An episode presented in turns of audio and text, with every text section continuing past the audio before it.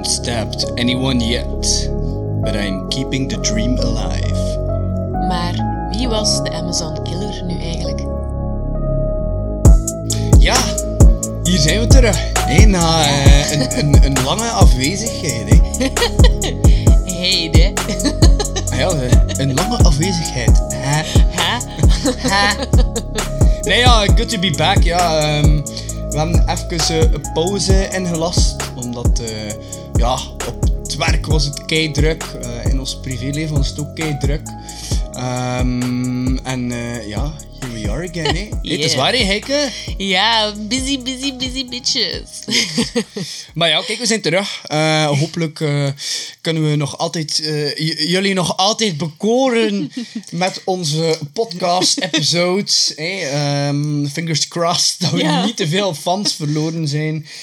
Ja, we zijn al sinds terug. We gaan proberen om terug ook weer op regelmatige basis, twee, twee wekelijkse basis, afleveringen te releasen. Pardon. Yes. Ja, oké, no worries. We're back, hè. Ja, we gaan ons best doen. Ja, dus, eh. Eh, hoe gaat het met jou, Heike? eh, goed, goed, ja. Hoe gaat het met jou? Ah, goed, dank u. De eerste werkdag hè, weer. Ja. twee weken verlof gehad. en we zaten in het zonnige Spanje. Si, si, signor. Ja, ehm Heike is ehm, allergisch aan de zon. Ah ja, ik dacht Hey, al, Heike? Ik dacht, Ja, gaat hij nu He- zeggen? Heike is allergisch aan de zon Yes. en we zaten in, in Spanje, in het zonnige Benissa. En eh, op het moment dat we daar zaten, was er daar een hittegolf. Dus meer dan 40 graden. Het, 40 graden in de, in de schaduw, dus eh, laat staan hoeveel graden dat, de, dat de barometer zou opgemeten hebben in de zon. Ja, fuck my life. Hey, hoe- ja, het was, het was een beetje te warm hè, voor jou. Ja. Ah, ja, nee, het was echt... eh, het, was, het was eigenlijk niet te doen. Ja. Maar ja, en er was ook geen wind. Ja, nee, nee, Zo nee. Double fucked. Nee, maar ja, we survived, we survived. Yes. Goed, ehm, dat stel ik voor dat we er eh, direct in vliegen. Eh, in onze nieuwe case. Een, ehm, een case die, we, of die ik geschreven heb. Yes. in het zonnige Spanje, aan het zwembad. Ja, het was een keer een, een andere setting dan thuis. Lekker fancy podcast Ja, lekker schrijven. fancy. Dat, voor, voor een keer, dat mag, dat mag, dat mag voor een Ja, mag eens voor een keer. eh, maar het is een heel interessante case. Ehm, ik denk ook een case die niet eh, overdreven bekend is. Ehm, we, we gaan het hebben over Todd Colab, eh, a.k.a. de Amazon Killer. Ehm, heel interessante case, heel vreemde en fucked up case. As usual. ja, as usual. Ik ben benieuwd wat jullie ervan eh, gaan vinden en als jullie de case al dan niet kenden. Alright, dan gaan we erin vliegen, hè. Ja, let's go. Dus, eh, zoals ik al zei, Todd Colab, a.k.a. de Amazon Killer, werd geboren als Todd Christopher Samsel op 7 maart 1971 in Fort Lauderdale in het subtropische en prachtige Florida. Hetzelfde Florida waar ook Ted Bundy op één avond vijf studenten brutaal heeft proberen te vermoorden. Drie ervan konden het nog navertellen, maar niet alleen Bundy heeft Florida geterroriseerd, ook Eileen Wuornos, de vrouwelijke seriemoordenaar die verschillende truckers en een businessman naar het hier was gestuurd heeft, zorgde voor donkere wolken boven de zonnige staat in Amerika. Ja, mooi, zo poëtisch, Laurentijn. Eh by the way, Monster, een film uit 2002, is een echte aanrader ook. Hij is gebaseerd op het leven van Eileen Wuornos en eh, heeft een schitterende Charlize Theron in de hoofdrol. Eh, zij vertolkt Eileen Wuornos. Wie dat we ook niet mogen vergeten is de Gainesville Ripper. Eh, dat is ook een seriemoordenaar die het net als Bundy ook op jonge Florida-studenten gemunt had. Maar hoe, ik kan hier nog eh, uren blijven doorleuteren over eh, serial killers of murderers uit het zonnige Florida. Maar eh, onze case eh, gaat over Colab, dus we gaan ook bij Colab houden. Dus Colab, hè. Dus, eh, zoals ik daarnet al zei, is Colab geboren onder de naam Todd Samsel in Fort Lauderdale in de staat Florida op 7 maart 1971. Zijn ouders, Regina Teague en William Samsel verhuizen na zijn geboorte naar Georgia. Dat is de staat net boven Florida en daar groeit Todd grotendeels op. Het huwelijk van zijn ouders wasn't built to last. Want na vier jaar huwelijk en twee jaar na de geboorte van Taat gaan ze uit elkaar. Een beetje zoals quasi elk huwelijk nu. Hè? Oh, amai, dat is een beetje oppervlakkig. Dat is een beetje oppervlakkig. Nee, maar toch veel, veel meer dan vroeger. Hè? Maar ja, vroeger mochten de mensen niet uit elkaar gaan, want dat was heresy. En, eh, dat, dat is toch in de tijd van onze grootouders en al. Dan bleef dat gewoon bij elkaar. Nee, ja, ik denk dat... Ja.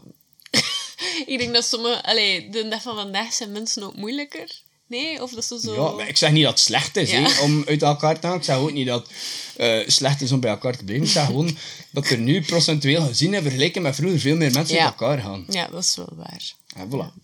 Dus, goed. Je hebt gelijk. Ja, natuurlijk.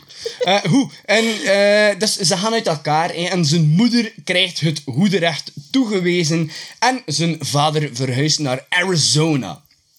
En nog een jaar na de scheiding trouwt, trouw- trouwt. Regina met Carl Colab. Dus met het De- Engels blijf je inzitten. Ja, eh, don't interrupt me.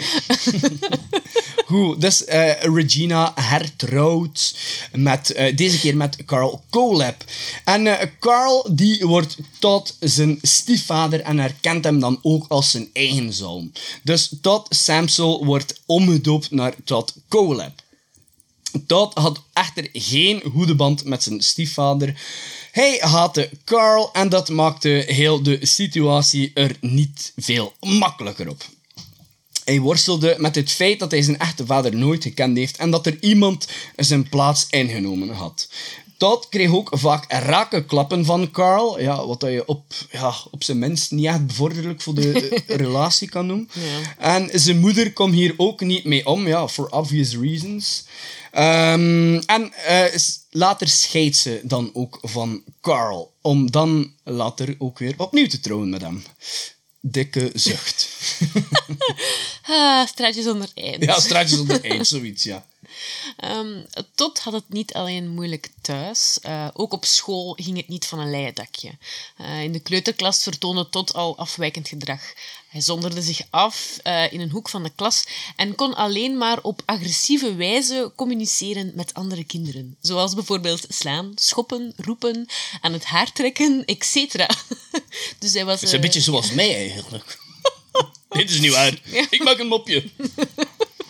Al roep ik soms wel eens. Oh god. Met ouder worden werd het er ook niet beter op.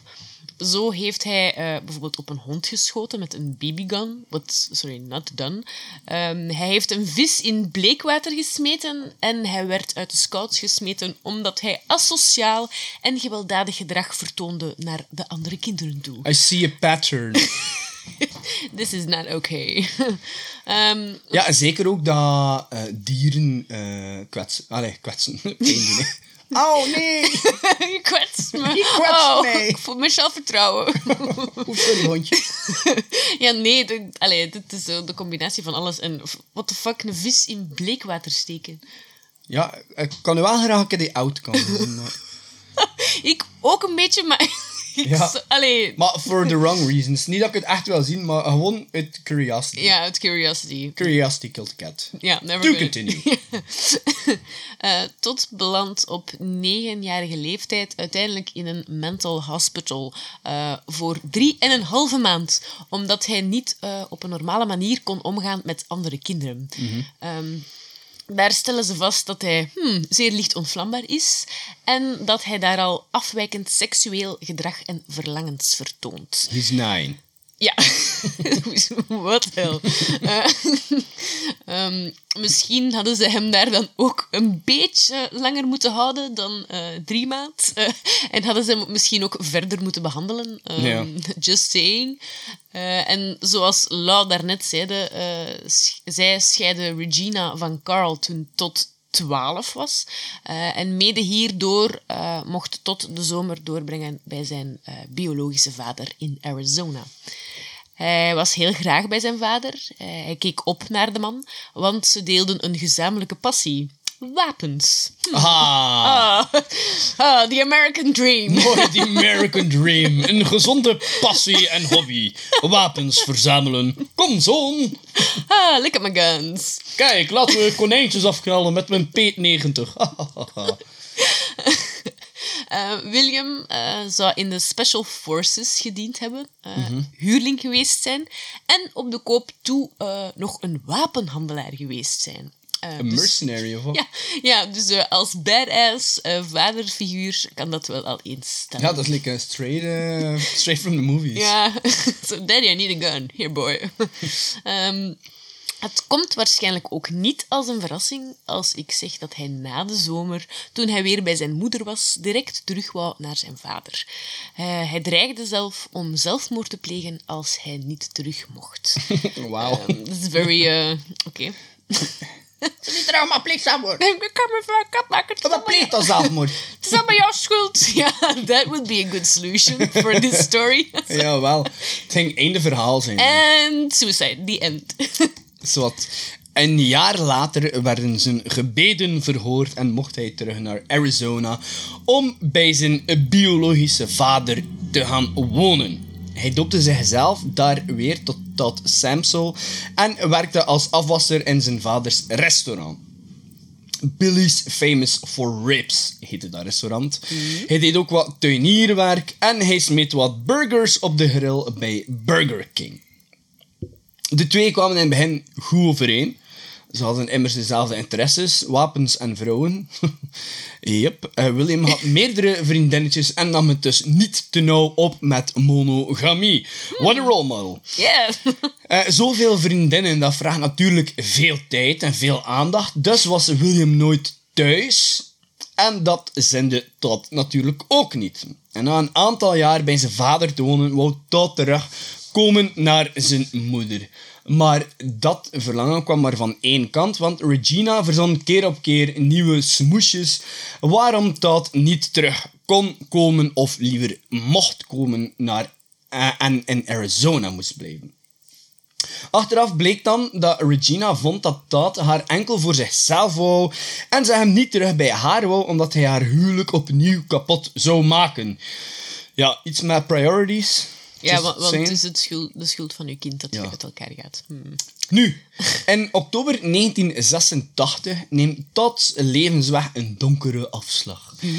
Hij ontvoert een 14-jarige buurmeisje dat drie straten verder van hem woont. Hij klopt aan bij het één jaar jongere meisje, dus hij was zelf 15 op het moment van de feiten. En hij zegt dat haar vriendje eh, hem gestuurd heeft omdat hij haar wil spreken. Het nietsvervo- eh, nietsvermoedende meisje stapt buiten en quasi direct haalt Todd een revolver boven en beveelt haar om mee te komen met hem of dat hij haar anders had afknallen. Eh, doodsbang had het meisje natuurlijk mee met Todd. Ze volgen hem en ze gaan naar zijn huis en daar wordt ze vastgebonden met een touw. Haar mond wordt toegesnuurd met duct tape en ze wordt brutaal verkracht door de 15-jarige Todd. Todd zijn vader was op zakenreis op dat ogenblik en hij kon dus zijn hangetje gaan, want hij was alleen thuis. What the hell? Ja. Ja, 15 jaar, hè. Jesus, what the, what the fuck. Allee, Jesus, en dan... Ja, gelijk welke leeftijd, sowieso, maar allee... Dat is wel al heel en- en- jong om en echt zo... Met een geweer over straat lopen en hun gaan aanbellen en zeggen, oké, je gaat nu meekomen of knal je af. Oh my god. Echt zo, wow, dat is... All the alarm bells. ja, so many red flags. Ehm, na de gruwelijke verkrachting maakte hij haar los en liep samen met haar naar huis. Hij dreigde om haar zusjes en broertjes te vermoorden als ze ook maar één woord zou reppen over wat er gebeurd was ten huize Samsel. Todds dreigementen eh, weerhielden haar echter niet, want niet veel later staat de politie aan de deur bij Todd. Ze troffen Todd aan met een rifle in zijn handen en beveelden hem om het wapen neer te leggen. Todds eerste reactie was... Hoeveel tijd in de bak ga ik hiervoor krijgen? Wauw. Hallo. Oké. Wat dan ook I eigenlijk... see, her, the- I see her so concerned about the well-being of the girl. Ja, wel wat dan ook aantoont dat de daad zelf hem eigenlijk niks kon schelen. Eh, toen ze hem vroegen waarom hij het gedaan had, wist hij te zeggen dat hij uit woede van... eh, dat het eigenlijk uit woede was naar zijn vader en dat hij wou rebelleren. Eigenlijk een beetje neglect, omdat Ja. hij hem eh, opzij geschoven voelde. Dus of wat. Ja, ik denk het. En ja, rebelleren, hè. daarom ga je iemand verkrachten. Eh, gezien de ernst van de feiten werd er aanbevolen dat hij als een volwassene berecht zou worden. Eh, wat dat mij wel logisch lijkt. Ehm, toen hij nog in voorarrest zat, schreef hij meerdere brieven naar zijn moeder waarin hij spijt betuigde voor wat hij gedaan heeft. In hoeverre dit echt gemeend was, laten we in het midden. Eh, maar ik denk dat we allemaal hetzelfde denken. Wat denk jij, Heike? Was he- het gemeend? Is het oprecht? he didn't feel guilty. Nee, ik denk Fuck that. niet. nee. Totaal niet. Ehm, zwart. Eh, ze onderwerpen hem, hem aan onderzoeken en daar stellen ze borderline vast. Hmm. En ook dat hij een echte narcist is, een niet te stille honger naar macht heeft en de enige emotie die hij echt kent agressie is. Ja, dat Gezellig. Is, ja, gezellig. hè. Dat is, Doe mij, doe mij denken aan een ex. is het waar? Nee, doet vooral denken eigenlijk een beetje aan Hitler. Dus ik weet niet. ja, ja, oké. Ja, oké, ja. Wie was jouw ex? We gaan geen namen noemen. Ehm, sorry. Zijn moeder en biologische vader wouden beide ook niet meer verantwoordelijk zijn voor hem. Eh, hij had nu dus werkelijk niemand meer. Ondertussen schreven de ouders van het slachtoffer ook een brief voor de rechter, waarin stond dat het meisje haar leven verwoest was en ze voor de rest van haar leven de littekens van die gruwelijke oktoberdag, oktoberdag zou meedragen. Ja, wel. Ja, mede hierdoor en de aanbevelingen dat hij als vol- volwassene berecht moest worden, zou hij ook effectief als volwassene terechtstaan op 19 januari 1987. 19 januari 1987. Yes. Ja, ah, maar ja, oké. We waren nog niet geboren, nee, toen, Heike? Nee. Nee. Twee jaar later wel. Ja. Goed, eh, Todd ging uiteindelijk akkoord met een plea deal. ehm, en daardoor verviel eigenlijk de verkrachtingsaanklacht en werd hij enkel berecht voor kidnapping. Begrijpen wie begrijpen kan, want volgens mij is verkrachting veel erger dan kidnapping en is het, pardon, een compleet verkeerde boodschap uitzenden. Ja. Maar ja, hoe am I? Yes, who are you? I am Tintje and I fight for a rape survivor. Rape survivor. Ja, nee, maar ik vind dat zodanig absurd. Allee, oké, plea deal, ja, eh, oké, dan... Allee, dat die kidnapping wegvalt, maar ik vind dat je wel nog altijd berecht moet worden... Allee, voor ver, allee, verkrachting is... eh, ik weet, I don't get it. Goed, eh, ik kreeg uiteindelijk 15 jaar effectieve celstraf, eh, zonder kans op vervroegde vrijlating.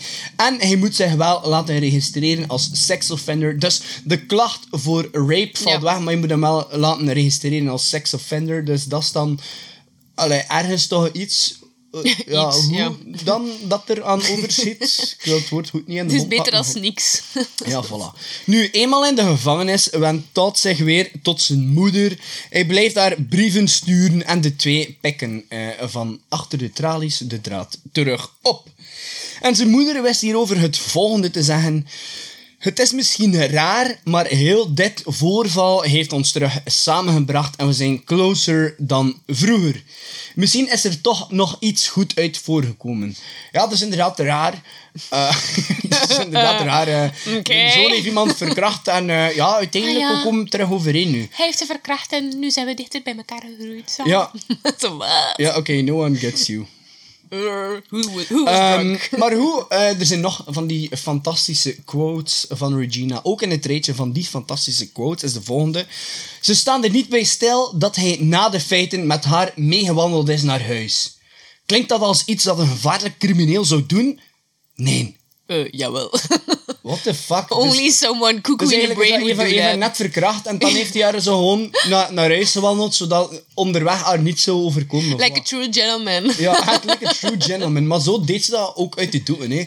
Like, please, Regina, you're making a fool out of yourself. Girl. Get your head out your ass. Ja, ik denk juist dat je, dat je nog meer psycho bent als je ze nog een keer thuis gaat afzetten. Ja, natuurlijk. Ja, what the fuck. Allee. Dan je echt zo, zo no sense for danger of getting caught of Ja. zo, ja. Hij heeft haar verkracht, maar hij was beleefd. ah ja, oké dan. Je spreekt wel altijd met twee woorden. ja. Ach, de humanity. Swat, ehm, wanneer dat hij daar in de gevangenis zit, eh, wordt hij ook weer aan allerhande tests en psychologische testen onderworpen. En daar constateren ze dat hij hoog intellectueel is en dat zijn antisociaal gedrag ervoor gezorgd heeft dat hij zo'n monster geworden is. Ehm, ja, er is nu al van alles bij hem vastgesteld hè, in de loop der jaren. En we gaan het eventjes opzommen. Dus het eerste dat ze vaststelden was geen emoties, enkel agressie. Eh, abnormale seksuele verlangens. By the way, geen idee wat ze daarmee bedoelen, want hij was toen 9 jaar. Ehm, ja, geen idee. Eh, honger naar geweld. Hij heeft ook borderline. eh, narcisme. Grootheidswaanzin. Antisociaal. Ehm, ja, een hele waslijst aan eh, red lights, hè, dus. ja. Maar hij was toen wel 15, hè, want hij zat dan in de gevangenis al. Hè. Ja, toen, toen wel, Maar- hè. Ja, toen wel, hè. Maar ja, in de gevangenis is ook het een en het ander vastgesteld, hè. Dus, Abnormale seksuele verlangens. ja, speciaal. Eh, hoe, een hele waslijst aan red lights, Yes. Eh, nu, in de gevangenis liep het ook niet echt van een leien dakje, to say the least. Eh, want hij zat nog geen twee maanden in de gevangenis en hij had al een sanctie gekregen omdat hij de bewakers niet gehoorzaamde. Hij had dan ook een groot probleem eigenlijk met gezag en gezag aanvaarden van een meerdere. Dit was dan eh, ook zijn eerste overtreding in de gevangenis. En er zouden nog zes volgen in zijn veertien jaar dat hij vast zou te komen zitten. Hij had al ondertussen bijna één jaar doorgebracht in voorarrest. Uiteindelijk, zes eh, overtredingen op 14 jaar zijn ik echt wel heel goed meevallen. Ja, hij heeft hem nog ingehouden. Allee, ja, nee, allee, ik vind dat. ja, je kunt er ook nul hebben, hè, maar... Ja, tuurlijk, tuurlijk, maar... Ja, Ja, oké. eentje om de twee jaar. Ja. Goed Ik had altijd nota's in mijn agenda, maar nota in je agenda is natuurlijk wel iets anders. Ja, hm, nota of dan overtredingen in de gevangenis. hm, Ja. niet- Ik zwijg Ja. al. Ja, you bad boy. Ehm, zijn andere overtredingen waren onder andere, onder andere vechten, iemand aanvallen, vernielen van eigendom, diefstal en foei foei afwezig zijn op verplichte activiteiten. Wel ja, en dat vraagt me af, hoe gaat dat in de gevangenis? Het is zo niet dat je ergens anders naartoe kan, of dat je zo...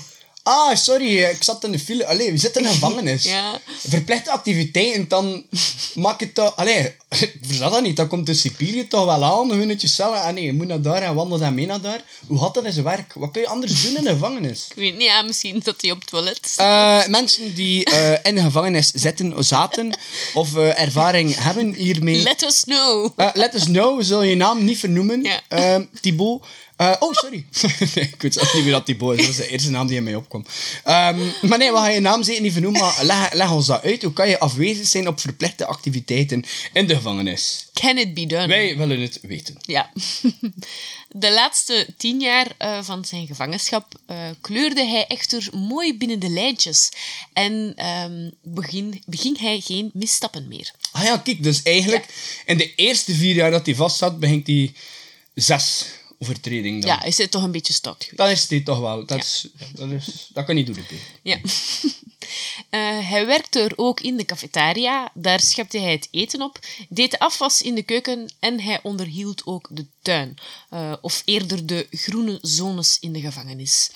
Ehm, hij hield zich bezig eh, en verdiende er ook iets mee. Een eh 45 dollar in de maand, eh, wat heel weinig is. Maar ja, het is nog steeds ja, gevangenis. Hè, dus... Ja, je hebt iemand verkracht, dus eh, Ja. voor mij, part, ik vind het al raar dat je geld krijgt. Can't earn them dollar 45 dollar. bills. Ja. Maar dat is ook wel zo dat je bepaalde dingen kan kopen, hè. Voor Ja. in je cel. Maar Ah, maar en, eh, ik dacht dat je altijd met sigaretten moest betalen. te veel naar, naar, naar eh, Orange is the New Black kijken of zo. Nee, nee, dat, dat moet ik niet zien. Prison Break. en- Waarom omdat dat met vrouwen was in de gevangenis of zo? Ah, nee, ik dacht dat dat uh, grappig zo comedie eh, al ging zien. Nee. Vond die wel cool. Ah, ja. Orange oh, is the New Black. Maar nu zijn we naar iets leukers aan het kijken. Hè. Opnieuw aan het kijken eigenlijk. Dat en meer eigenlijk in, in, in, in, in onze... Ons eh, field. in ons interesseveld eigenlijk past. Hè. We zijn opnieuw naar Dexter aan het kijken. Yes. Op eh, Amazon Prime. Wanneer zijn we begonnen ermee? Geen idee. Zwat, Pijs dat we misschien al... Dat Een we- week of twee misschien? Of een week? Weet niet. Maar ja, we hebben niet consequent gekeken. Nee. In die twee weken. Ik denk dat we nu misschien een dag of drie, vier aan het kijken zijn. Ja. En we zitten nu op het einde van seizoen 2 alweer. Yes. Dus eh, goed gedaan. Zeker wanneer je weet dat een aflevering 53 minuten is. Ja, binge it. Binge it. Maar dus, hè, Ja, ehm, sorry, ja. Terug naar onze... I got off track. onze vriend. Ehm, dus hij verdiende, hij verdiende 45 dollar in de maand. Eh, bijzonder weinig natuurlijk, maar gevangenis. Mhm. Ehm, en naast de drie jobs die hij daar uitoefende, beta- behaalde hij ook een diploma eh, in computer science en programmeren. Ehm, hij behaalde dit door middel van een eh, rehabilitatie, rehabilitatieprogramma. Ehm, En nu ben je gewoon Engels met Ja. Vlaams aan het combineren. Een rehabilitation program. Ehm, was hij aan het volgen eh, dat ervoor zou zorgen dat hij zich weer kon integreren en de draad eh, terug zou kunnen oppakken wanneer hij vrijgelaten werd. En net die vrijlating, dat was voorzien voor augustus 2001. En in de zomer van 2001 kon Todd voor het eerst weer de vrijheid proeven. Allee, het is te zeggen, aangezien hij heel zijn jeugd in de gevangenis zat, heeft hij ook nooit een rijbewijs kunnen behalen. Dus is hij terug naar South Carolina getrokken, dicht bij zijn moeder, zodat hij toch over vervoer beschikte. Dus eh, hij was wel vrij beknopt in zijn eh, vrijheid. Want hij heeft geen rijbewijs. Nee, ja. En rijbewijs en auto is freedom. Een half jaar later, dus eh, dan zijn we ondertussen januari 2002, ging hij in Spartanburg aan de slag als graphic designer bij Seven Sons Co. Maar Een graphic designer, Heike. komt dat tegen een collega? Ja, een collega. Ja, Ja, voilà, hè, ja. Ik, ik, ik heb zijn werk nog niet... Misschien moet dat ik erop zoeken. ja werk, eigenlijk zou ik dat eh, wel een keer willen zien. ja, was hij een good graphic designer? Ja, of wie weet. crap? Heeft eh, geleden in de gevangenis, hè. Ehm, dus hij was eh, graphic designer bij Seven Sons Co. Mhm. En dat is een bedrijf dat in sportkledij en toepelhoren doet. Ja. En hij werkt daar eh, anderhalf jaar tot november 2003. In 2004 trok hij naar de University of South Carolina om daar te studeren voor een makelaar. Hij behaalde goede punten, werd door iedereen graag gezien en bleef under the radar. Niemand kon vermoeden wat hij al op zijn kerststok had: The Perfect Wolf in Sheep's Clothing. Allee, een emo dat iedereen kan verdragen. Ja, zo zijn er weinig. Nu, die gast waar eh, die onze emo was, bij dat huis dat we zijn gaan kijken, Ja, ja. dat was ook wel een Maar heb, heb er altijd hoe jij. Ja, ja, dat is overal, dat is overal. Soms ook niet. Soms ook niet, ja, inderdaad. Eh, in 2006 studeerde hij dan af als makelaar en vroeg hij onmiddellijk zijn vergunning aan, vergunning aan voor erkend makelaar te zijn. Op zijn aanvraag gaf hij ook een serieuze draai aan de waarheid door te zeggen dat de aanklacht voor kidnapping een uit de hand gelopen ruzie was. Hij vertelde hen dat hij en zijn toenmalige vriendin een zware discussie hadden en al roepend en tierend uit elkaar gegaan zijn op dat moment.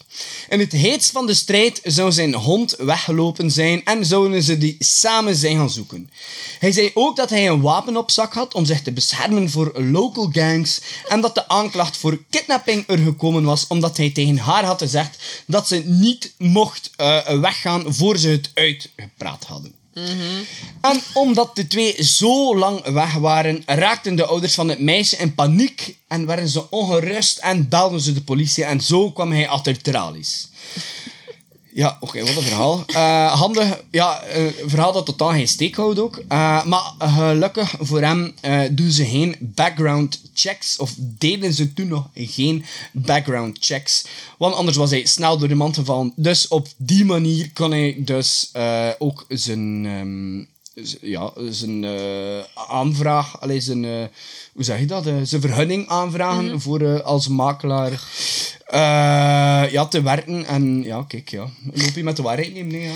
Ja, wat de hel. Even... Ja, wel. Maar je moet maar durven ook. hè. Maar ja, allee, serieus. Ja, dat verhaal ook gewoon. Ja, dat is echt crazy. Allee, die Ja, dan is mijn hond over- en dan... God, this guy. Ik kan me, niet, ik kan me like moeilijk voorstellen ook dat daar zo gekke gangs rondliepen in de buurt of zo. And there were gangs and my dog ran away. And... Ja. Oké, back Allee, to ja. Detroit. Swat. Eh, zijn vergunning werd dus goedgekeurd en hij ging aan de slag als makelaar bij een immobiliënkantoor in eh Spartanburg. Spartanburg. Nog nooit niet van gehoord. This is Spartanburg. Allemaal gespierde mensen die daar wonen. Arr, en zo van die... Zo van die En Jared. Butler is daar de burgemeester. Wie? Jared Butler? Dat is toch een die van 300? Ah, ja, is dat? Ja. Ik ben kei slecht in namen en zeker van acteurs en zo, dus ja. Ehm, terwijl eh, was hij ook, ehm, by the way, ook bezig met het opstarten van een eigen, eigen makelaarskantoor, eh, wat TKA Real Estate zou heten. Is het niet TKA Real Estate? Wat? Nee, sorry. Ja, nee. Maar dat we soms een beetje tussen Engels en Vlaams aan het switchen zijn. Ah, oké, het mopje ontgaat je. Ja, sorry. Wrong audience. Oké, Oh. verder. Ja, het is lang geleden dat we opgenomen hebben. Ja. Dat is voor mij ook weer wennen. Hè, ja. Fuck you. Ik was vergeten dat je geen gevoel had voor humor. Of dat je niet zo snel kon inpikken. Dat was eigenlijk niet grappig. hoor. Nee, mop was kei dom. Dat is een dad joke. Ja. Oh, ja, maar ehm, weet wel dat eigenlijk bij real estate dat dat vaak ehm, dat die zelfstandig zijn hè, in, in Amerika. Wist je dat? Ah, maar- En wist je dat je? ah ja, maar hij werkte ook bij een eh, makelaarskantoor, maar... Ja, maar het is eigenlijk als je zelf al zit bij een makelaarskantoor, ehm, dan zijn er nog altijd eh, independent eigenlijk. Dus je moet je eigen huizen eh, zoeken en ze zelf verkopen en zo. Je Ah ja, wel- vandaar dat hij waarschijnlijk Ja. ook bezig was met de opstart van TKA Real Ja, Estate, want je zit onder die noemer wel. allee, of onder de naam van dat bedrijf. Maar er is ook onderling in hetzelfde Hmm. bedrijf concurrentie. Maar in Amerika is alles raar. Ja, wel ja. Maar het is omdat ik in Canada heb gezeten. En, eh, Maar Canada is niet Amerika. ja, maar dat is ook een beetje dezelfde manier van Oh eh, ja, they speak the same language there. Nee, dat is niet waar. maar, eh, What are you zijn- talking about? Dude. Maar er zijn twee mensen die ik ken vandaar, die daar alle twee in de real estate zitten. En Ah. eh, daarmee. Real Estate. Real estate. Ehm, dus ja. Ehm, maar terug naar Todd. Eh, de zaken liepen goed voor hem. eh, want in januari 2007 eh, kocht hij een huis in Moore eh, voor 137.500 dollar. Dat is wel een goede deal, hè. Maar natuurlijk, 2007, dat is ook wel... Ja, eventjes vroeg. Ja, maar dat is eigenlijk niet zoveel geld, hè. Ah ja, nee, dat is inderdaad niet veel geld. Maar dat is ook al 14 jaar terug, hè. Ja. Ehm, de mensen beschrijven hem als een eerlijk en meegaande man eh, met het hart op de juiste plaats.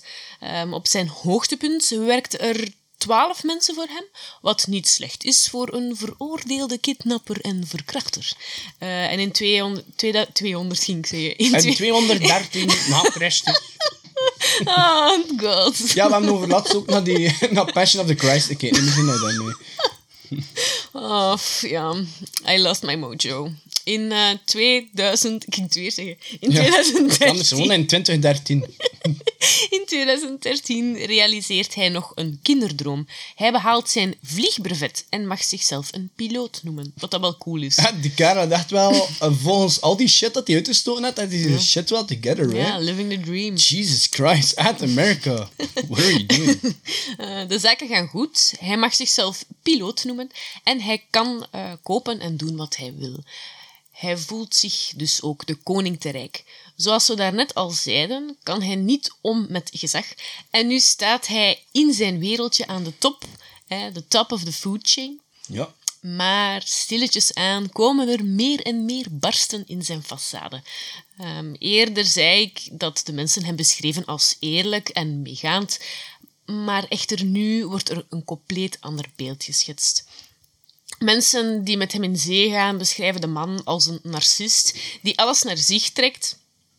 Iemand die alleen maar kan opscheppen en geen oor heeft voor een ander.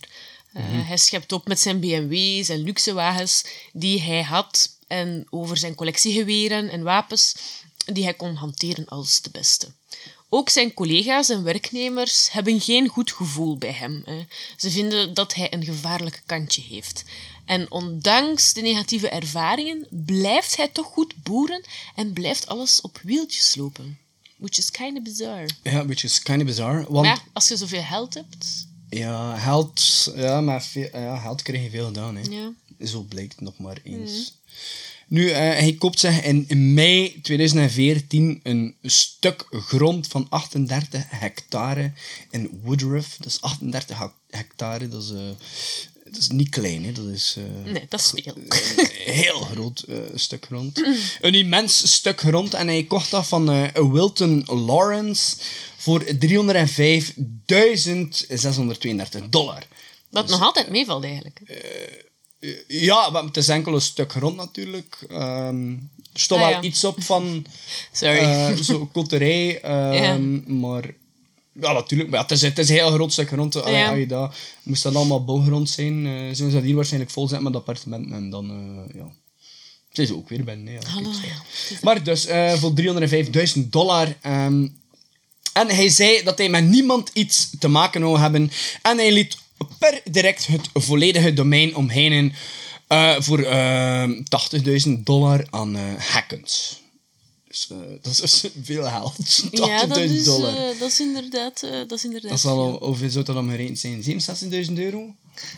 Ik weet het niet. Zoiets? Ja, dat er niet ver van kunnen, zitten, 70 nee. misschien. En uiteindelijk kan hij daar dan gewoon een hut zetten, hè, een blokhut, een vlag. Ja, maar ja, er stond wel iets hè, op, dat, op dat domein. ehm, Mhm. Maar allee, niet voor dezelfde kasteel op Not mentionable. Ja, wel. Nu, rond datzelfde moment eh, valt het oog van de Spartanburg County Investigators op de Amazon-account van Todd. En niet vanwege zijn aankoop per se, eh, die vooral bestonden uit messen, sloten, tactical gear, wapens, boeken over scherpschieten en spoedchirurgie op het slagveld. Ook een beetje een vreemde aankoopgeschiedenis. Maar Vooral eigenlijk door zijn alarmerende reviews die hij achterliet bij zijn aankopen. Maar... Vandaar ook de Amazon Killer. Eh, hier een greep uit enkele van zijn fantastische reviews. Dus bij een review van de mes eh, schreef hij, wat dat ook de inleiding was van de aflevering, Haven't stabbed anyone yet, but I am keeping the dream alive, and when I do, it will be with a quality tool like this. Oké. Next one is voor een zo'n foldable schop. Keep in car for when you have to have to hide the bodies and you left a full-size shovel at home. Does not come with a midget, which would have been nice. Oh my Dat is god. wel een beetje een grap. Die midgets. ja, vooral die midget. Ik stel me dan direct V-Man eh, ook voor van eh, Jackass. Ehm, dan een review van een slot dat hij kocht. Eh, works great. Also, if someone talks back, go old school on them by putting this in a sock and beating them. They will not appreciate the hardened steel like you will. Oké, ja. Ja. Darker and darker. Aggressive. De volgende review eh, was van een, een, een, een, een pakket sloten. Dus Because one meerdere was not sloten dat hij, dat, hij, dat hij gekocht had. En daarop schreef hij... Now my locks have locks. The place is like Hotel California now. Je weet wel, Hotel California, dat nummer van de Eagles, dat eindigt met de lyrics... You can check out anytime you like, but you can never leave. Ja. Dat is een beetje een, mo- een morbide take op het nummer. En niet alleen op Amazon communiceerde Colab zo naar de buitenwereld toe. Ook op Facebook plaatste hij vreemde statussen. Statussen met betrekking tot de verdwijning van Kayla Brown en haar vriendje Charles Carver. En dat was een jong koppel die spoorloos verdwenen waren. En er was eh, sprake van een onrustwekkende verdwijning. En op 31 augustus postte hij het volgende. It's Wednesday. The trash people picked up my trash at 6.30 this morning. This post is still way more interesting than what's on the news. Carry on. Eh, op 11 september postte hij dat het ontginnen van bos op zijn stuk land vermoeiend was en dat hij heel wat werk moest verzetten om uit de problemen te blijven. my ook een beetje een vreemde post, als je het mij vraagt. Jesus. Ehm, op 15 september postte hij op Facebook dat zaken van, eh, dat zaken van verdwenen, verdwenen mensen vaak van de pot gerukt zijn en die mensen er gewoon even tussenuit willen. Ook het volgende voegde hij eraan toe. In the event I become missing, schreef hij, please note one would, no one would take me. I eat too much and I am crabby. They would just bring me back or give me 20 bucks for a cab drive. Dat is een beetje hè. I eat too much and I'm crabby. Yes, Vooral crabby. ik niet genoeg eten krijg. Feed the baby. Remember? Member. Eh, niet veel later deed hij zijn beklag eh, over slechte chauffeurs en dat zijn geduld op was. Hij had het vooral op tegenliggers die over de gele lijn reden en op zijn rijvak zaten. Hij zei: I'm not the one you want to play with, play chicken with, cause I will hit you. Je weet wel, dat spel chicken. Ja, ja, ja. eh, dat zo tegen, op je tegenligger eh, afrijdt op hetzelfde vak. En dat Wie dat er het eerste uitwijkt, is dan de chicken. Ja. Eh, op het eerste zicht allemaal onschuldig, eh, maar het zal snel duidelijk worden dat dit allemaal een pak serieuzer was. ja, dat gaat inderdaad duidelijk worden. En wanneer gaat dat duidelijk worden? In de volgende aflevering. Helaas. Ja, helaas. Dus het is een two-parter geworden. Omdat we anders zitten we aan een aflevering van anderhalf uur Ja. eh, gemakkelijk. Sommige En- mensen zouden dat wel graag hebben, denk ik. maar we willen, we willen er zelf nog een beetje in komen en dat jullie er ook terug een beetje in kunnen komen. Hè? Ja. dus ehm, Sorry, but... No, volgende sorry. week eigenlijk, ja, eh, of binnen twee weken krijgen jullie het, eh, de apotheose eigenlijk van de aflevering. Eh, want dan komt het meest interessante stuk natuurlijk. Yes. Het is al een heel interessante Interessant. interessante case tot nu toe geworden. Maar volgende keer wordt het nog interessanter. Tegen de volgende aflevering spreken we de hele, hele tijd zo. Amerikanisch. De Amerikaners. Amerikaner. Yeehaw. Yeehaw. Come on, Cletus. Ride that hog. Nee, maar dus, dat was eh, deel 1 van Yes. onze Amazon Killer. Ik hoop dat jullie ervan genoten hebben. Ik hoop ook, Heike, dat jij ervan genoten hebt. Yes, it's good to be back. Eh, Wel, ik ging net hetzelfde zijn. It feels good to be back. Ehm, ja, to be honest, heeft even geduurd, omdat we ook gewoon de energie niet hadden om... eh, ja, er was eh, a whole lot going on. Ha, vanaf, dat, van- vanaf dat ik eigenlijk corona heb gehad, is het naar beneden gegaan. Hè. Ja, ja inderdaad. Ja. Van, van mij eh, was het niet dan, maar... eh, Ja. maar ja, nee, ja, Oh ja, nu- this is nu- all my fault. Nee, maar kijk, ja, we, zijn, we zijn terug. En ehm we're back to stay. Dus binnen eh, Yes. twee weken krijgen jullie een nieuwe aflevering voorgeschoteld. Het tweede deel van Todd Collab, a.k.a. de Amazon Killer. yes. En vergeet niet, tips. Als er van jullie tips, eh, als er mensen onder jullie tips hebben, of misschien een case die jullie graag eens besproken zien, dan, eh, dan mogen jullie dat altijd aan ons laten weten. Hè. Ja, inderdaad. En Heike, je mag eigenlijk wel een beetje luider spreken, zeker. Sorry! Sorry. Ja, dat was stuit. ja. Oké. Graag tot een volgende MVR. Yes, tot volgende keer.